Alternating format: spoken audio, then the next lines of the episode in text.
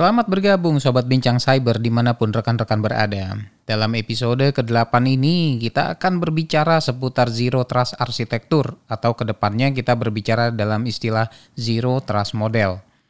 Dalam beberapa tahun belakangan ini, seperti halnya machine learning dan artificial intelligence, ternyata Zero Trust Model ramai menjadi eh, topik perbincangan Hal ini dikarenakan dianggap sebagai solusi terkini untuk merespon meningkatnya insiden cyber attack. Pada episode ke-8 ini kita akan membahas alasan Zero Trust Model menjadi perhatian dan mengapa dianggap menjadi solusi terkini. Kemudian, konsep apakah yang diusung oleh framework Zero Trust sehingga diyakini mampu menekan laju kebocoran data dan cyber threat lainnya. Dan di akhir episode, saya juga akan memberikan beberapa takeaway sebagai kesimpulan dari episode ke-8 ini.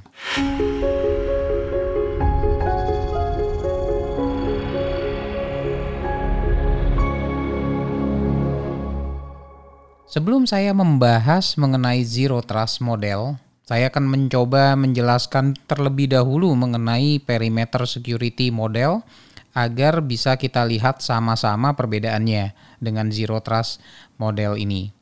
Konsep perimeter pada dasarnya memberikan penekanan pada trust dan no trust berdasarkan lokasi di mana akses tersebut dilakukan.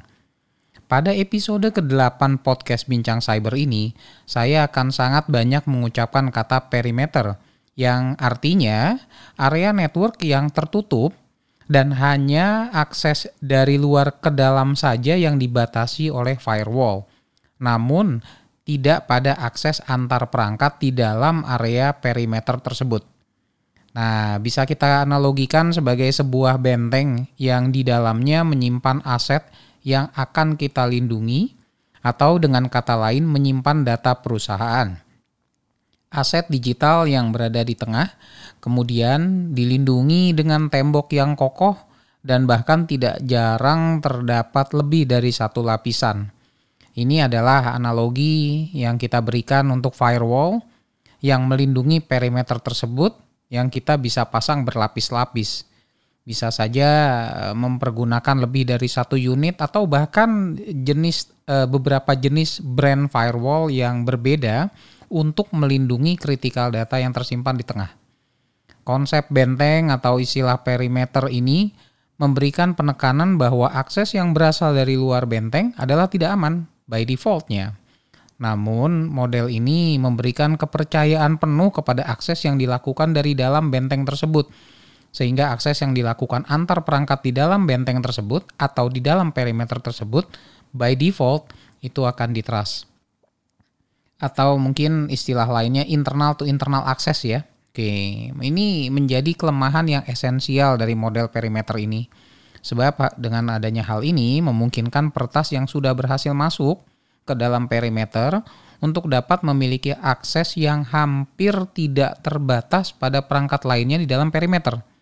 Dengan kata lain, ini disebut dengan istilah lateral movement yang dilakukan oleh peretas yang umumnya dilakukan pada layer 3 dari OSI layer dari dalam benteng yang eh, sehingga mengakibatkan dia akan bebas untuk melakukan penyerangan dengan potensi dampak kerusakan yang tinggi, termasuk mengirimkan data keluar atau istilahnya exfiltrate. Konsep benteng atau perimeter ini dikenal dengan konsep trust model. Jadi kata A lain daripada perimeter yang nantinya ke depan akan saya sebutkan adalah sebetulnya menganut konsep trust model. Intinya, semua akses dari eksternal perlu diverifikasi, sementara akses dari internal by default akan mendapatkan kepercayaan penuh untuk mengakses resource di internal tersebut. Konsep inilah yang hampir memastikan, dipastikan, menyebabkan banyak terjadinya data breach yang bersumber dari dalam baik melalui perantaraan malicious software atau malware hingga perbuatan jahat yang dilakukan oleh internal stakeholder secara sadar. Sebuah posibilitas yang tersedia sebagai akibat kelemahan dari arsitektur infrastruktur tersebut. Uh, kemudian berbeda dengan trust model yang by default memberikan kepercayaan penuh kepada akses yang bersumber dari dalam, seperti yang tadi kita sebutkan, konsep zero trust model menekankan kepada penekanan never trust, always verify. Zero trust model ini diperkenalkan pertama kali oleh John Kinderfag yang menjabat kini menjabat dia sebagai CTO dari Palo Alto Network. Kinderfag menyebutkan bahwa Zero Trust adalah global cybersecurity strategi. Ini bukan tools, ini bukan software, ini bukan hardware, tapi lebih kepada arsitektural cybersecurity strategi. Zero Trust by default akan mereject upaya akses yang dilakukan baik dari internal maupun eksternal. Semuanya sama-sama akan di reject. Hal ini tentunya membuat peretas yang sudah berhasil melewati perimeter, sudah ada di dalam, tidak dapat langsung bebas mengakses resource lain yang berada di dalam perimeter tersebut. Atau singkatnya, kita menambah jumlah layer atau lapisan perlindungan cybersecurity sehingga menimbulkan kompleksitas bagi penyerang yang hendak menguasai resource di dalam.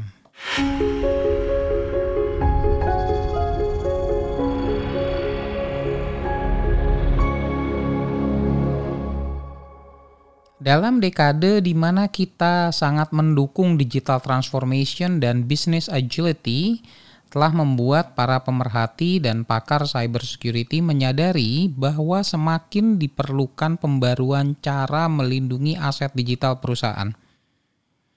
Langkah penyerangan secara umum bisa dikelompokkan dalam tujuh langkah yang dikenal dengan istilah cyber kill chain. Tujuh langkah ini secara terurut saya coba sebutkan yaitu pertama reconnaissance, kedua weaponization, ketiga delivery, keempat exploitation, kelima installation, keenam command and control atau CNC, dan yang terakhir adalah execution. Jika sobat bincang cyber telah memahami tujuh langkah ini, maka tentunya sobat akan sadar bahwa untuk menghentikan penyerangan cyber attack, kita hanya perlu menggagalkan minimal satu langkah dari tujuh total langkah secara keseluruhan. Meski ini terkesan mudah, namun ternyata tidak sedikit yang gagal untuk melakukannya. Hal ini bahkan akan semakin kompleks dengan keterlibatan penggunaan perangkat mobile, virtualisasi, atau bahkan cloud computing. Tidak semua perangkat yang berada di dalam perimeter memiliki tingkat pengamanan yang sama. Fokus utama dari pertas adalah untuk menemukan titik terlemah atau weakest link pada saat hendak melakukan serangan. Setelah menemukan titik terlemah dan berhasil dipenetrasi, maka peretas selanjutnya akan melakukan lateral movement atau melakukan penyerangan pada perangkat lain di internal tersebut melalui perangkat internal yang tadi berhasil diserang. Lateral movement ini menjadi masalah utama jika arsitektur mempergunakan konsep perimeter atau trust model.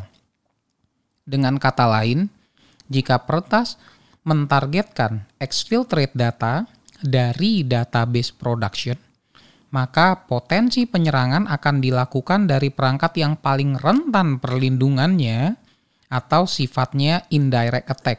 Tentunya perangkat ini berlokasi di dalam internal perimeter.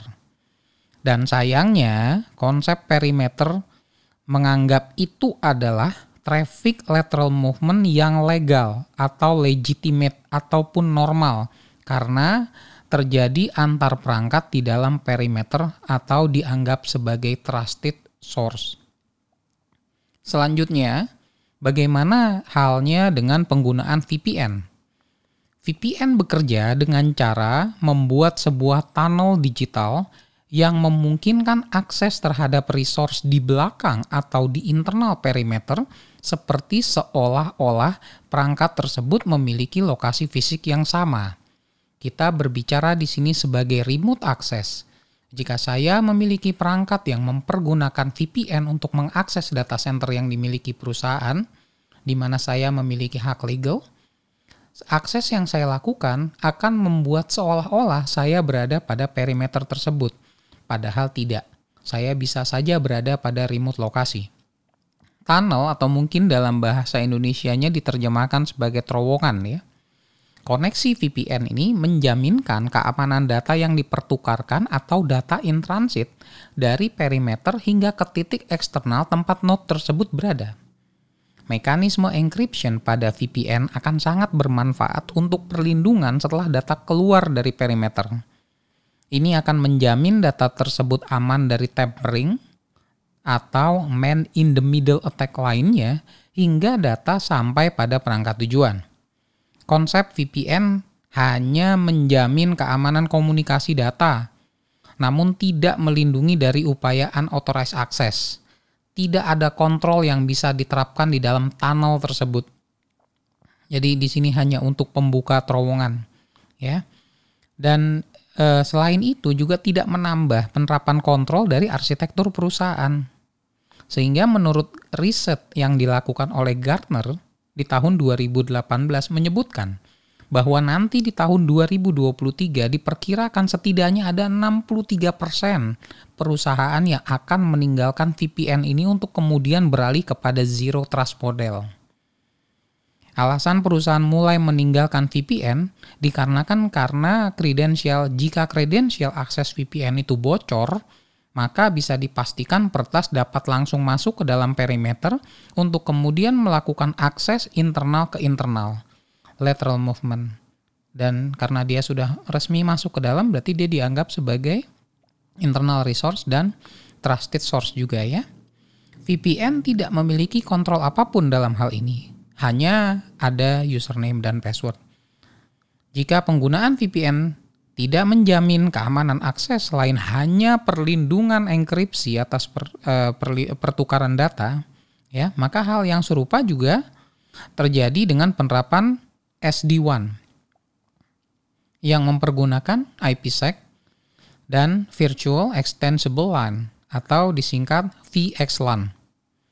Konsep tunnel yang hanya point to point dan bukan end to end di sini posisinya hanya untuk melindungi data in transit. Semua data dikirimkan dalam satu tunnel dan penerapan security control di dalamnya sangat amat terbatas. Sehingga kembali lagi, karena hanya difungsikan untuk data encryption. Jika credential access eh, baik VPN maupun SD-WAN bocor, maka bisa dipastikan hampir tidak ada kontrol lainnya yang bisa mengatur incoming access. Sebab yang sudah diauthorize oleh VPN tentunya akan memiliki akses penuh seolah-olah berada di dalam perimeter dan akan menjadi bagian dari internal endpoint pada akhirnya akan menjadi komponen yang dianggap trusted source oleh konsep trust model atau perimeter ini.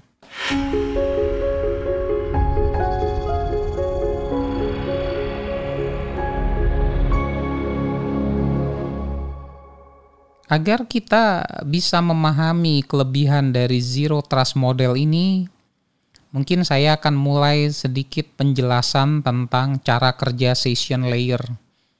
Session layer dalam OCI, OSI, OC layer ya, berfungsi untuk membuka, menutup, dan memanage koneksi antar user dan aplikasi. Session layer ini sifatnya stateful dan end-to-end. -end Artinya, perangkat ini akan mengingat siapa yang sedang berkomunikasi dan ke aplikasi mana. Router dan switch yang kita pergunakan di internal jaringan tidak mampu untuk memanage session state atau proses-proses dari authentication, segmentation, identity management, hingga anomaly detection. Inilah sebabnya kita butuh yang namanya firewall. Sementara jika firewall ditempatkan di pintu terdepan dari perimeter, artinya komunikasi di internal in between tidak akan mendapat perlindungan dari session state ini atau dari session uh, layer ke uh, layer dari OC layer ini atau session layer ini. Ya, kemudian tujuan utama diterapkannya zero trust model adalah untuk mencegah lateral movement pada internal perimeter. Baik user datagram protokol atau UDP ataupun transmission control protocol atau TCP session yang boleh berkomunikasi. Tidak ada yang boleh berkomunikasi kecuali melalui proses authentication dan authorization pada level user, pada level perangkat, dan pada level aplikasi. Attack surface yang bisa, eh, bisa kita analogikan dengan let's say banyaknya port yang kita buka pada saat se eh, pada sebuah perangkat. Ini hanya analogi. Contohnya jika ada perangkat IoT yang hanya boleh berkomunikasi dengan server pada sebuah segmen yang sama di network dengan mempergunakan TLS. Artinya di sini attack surface-nya kita beri angka 1 anda satu komunikasi. Namun jika IoT tersebut dipasang pada sebuah segmen network atau jaringan yang sudah memiliki 50 perangkat IoT yang berkomunikasi dengan server tanpa melalui proses enkripsi, ditambah eh, masing-masing memiliki 40 port yang dibuka. Maka artinya attack surface bisa berkembang menjadi 2000 kali lipat. Dengan demikian, jumlah node atau endpoint pada segmen akan menentukan besaran attack surface yang sekaligus menyebabkan peningkatan adanya ancaman. Nah, dengan pertimbangan stateful session dan attack surface yang baru kita bahas, maka semakin penting untuk merubah arsitektur secara bertahap dari trust model atau perimeter menuju kepada pendekatan zero trust model. Hindari fokus kepada perangkat hardware namun fokuskan pada apa yang disimpan di dalam hardware tersebut. Hal ini sesuai dengan penerapan bila mana nanti sobat melakukan perpindahan migrasi dari on-premise ke cloud. Kita nggak akan pusing perangkat hardware di cloud karena semuanya diset secara virtualization. Ya, fokuskan pada segmentasi jaringan dengan menekankan perlindungan kepada akses terhadap data, aset, application, dan service disingkat dengan DA2S, DAAS ya. Saya biasa simple simplifikasikan dengan e, empat komponen itu dengan istilah DA2S. Lakukan mikrosegmentasi dengan tujuan menekan attack surface menjadi bentuk sekecil mungkin. Lakukan ini secara bertahap melalui beberapa iterasi sehingga bentuk ideal yang bisa e, bisa diperoleh. Secara lengkap, saya coba detilkan di sini penerapan zero trust model ini e, melalui empat langkah. Yang pertama dan yang paling penting, buatlah klasifikasi data. Terapkan perlindungan terhadap masing-masing kelompok klasifikasi tersebut, bukan pada hardware di mana data tersebut tersimpan. Yang kedua, terapkan strong authentication dan juga terapkan multi-factor authentication untuk mempersulit peretas mendapatkan kredensial user. Yang ketiga, kembangkan konsep microsegmentation yang mengelompokkan arsitektur berdasarkan software atau service. Kelompokkan data, aset, application, dan service yang homogen pada satu segmen yang sama Terapkan encryption untuk transmisi in atau out data. Kemudian, kembangkan adaptive policy based access pada microsegmentation ini. Adaptif yang saya maksudkan di sini adalah komponen yang dapat berubah karena kondisi bisnis atau bahkan temuan dari anomali yang tercatat pada automation proses. Yang keempat atau yang terakhir, terapkan penggunaan machine learning dan rumpun artificial intelligence lainnya untuk memberikan alert saat terjadi anomali sekaligus remediation, sehingga waktu yang dibutuhkan untuk memberikan respon atas insiden atau istilahnya mean time to respond atau MTTR akan menjadi semakin lebih kecil. Hidupkan automationnya. Nah, empat langkah ini perlu dilakukan dan terus disempurnakan dari waktu ke waktu berdasarkan dinamik yang ada. Tidak perlu mengejar sempurna baru kemudian mengaktifkan. Saya punya sebuah moto terkait dengan permodelan ini yaitu all zero trust model are wrong, but some zero trust model are useful. Nah, ini maksudnya fokuskan kepada fungsionalitasnya dulu, namun terus disempurnakan seiring dengan dipergunakannya zero trust model ini. Secara sederhana, zero trust model bisa dicapai jika setiap upaya akses terhadap data, aset, application, dan service dapat diautentikasi dan diauthorize berdasarkan usernya, berdasarkan device-nya, dan berdasarkan lokasi yang mana akses tersebut di request.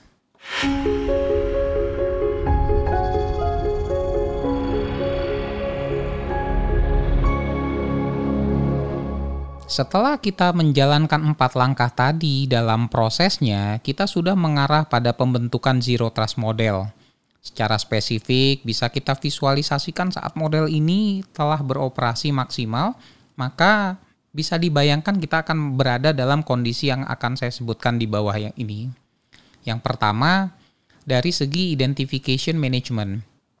Kita akan mendapatkan bahwa password bukan satu-satunya alat untuk otentikasi. Akses user, perangkat, lokasi, hingga behavior akses akan dapat dianalisa secara real time untuk pertimbangan perkembangan terhadap resiko serta peningkatan pengamanan.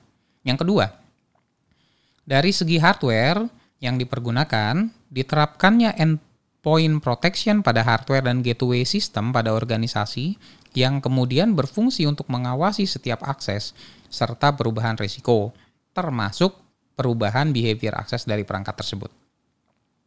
Yang ketiga, dari segi aplikasi atau service, penerapan list privilege pada aplikasi dan service untuk setiap akses yang dibuka termasuk menerapkan segmentasi serta dynamic control monitoring untuk setiap session yang dilakukan. Nah, ini menarik. Yang keempat, dari segi network, penerapan machine learning untuk traffic akses ya dengan tujuan menekan threat serta memantau ingress atau egress data. Penerapan encryption uh, pada seluruh traffic in out. Yang kelima atau yang terakhir dari segi data, Diterapkannya klasifikasi data baik melalui expert mode, metode regex, atau keyword. Akses terhadap data diatur secara penuh berdasarkan policy. DLP telah berjalan dan mengawasi di mekanisme encryption yang telah dijalankan.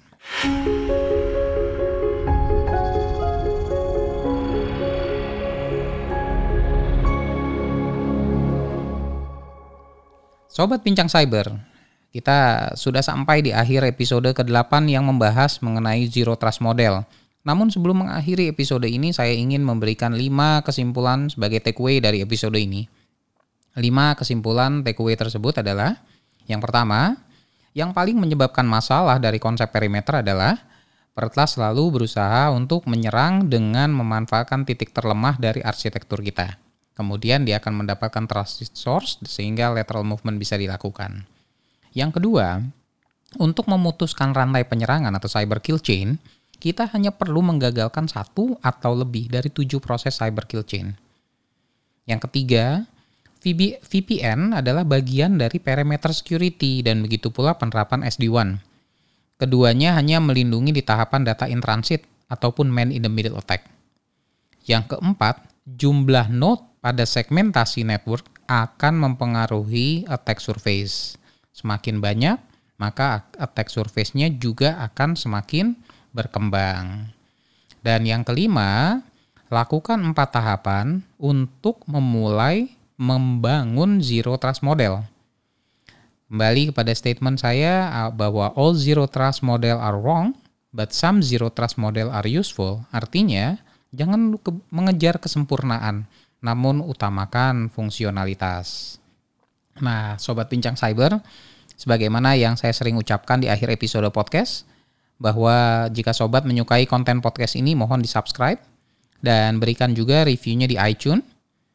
Eh, mohon supportnya juga jika memang menyukai konten ini untuk kemudian men-share isi podcast ini di sosial media masing-masing. Saya mengucapkan terima kasih yang eh, untuk yang sudah subscribe di Spotify Dan kemudian terakhir, feedback jika ada bisa dikirimkan melalui halaman kontak us pada situs bincangcyber.id, termasuk usulan topik cyber security yang ingin dibahas. Saya Faisal Yahya, host Bincang Cyber undur diri dan terima kasih sudah mendengarkan episode ini. Sampai bertemu di episode lainnya di Bincang Cyber. Stay tune.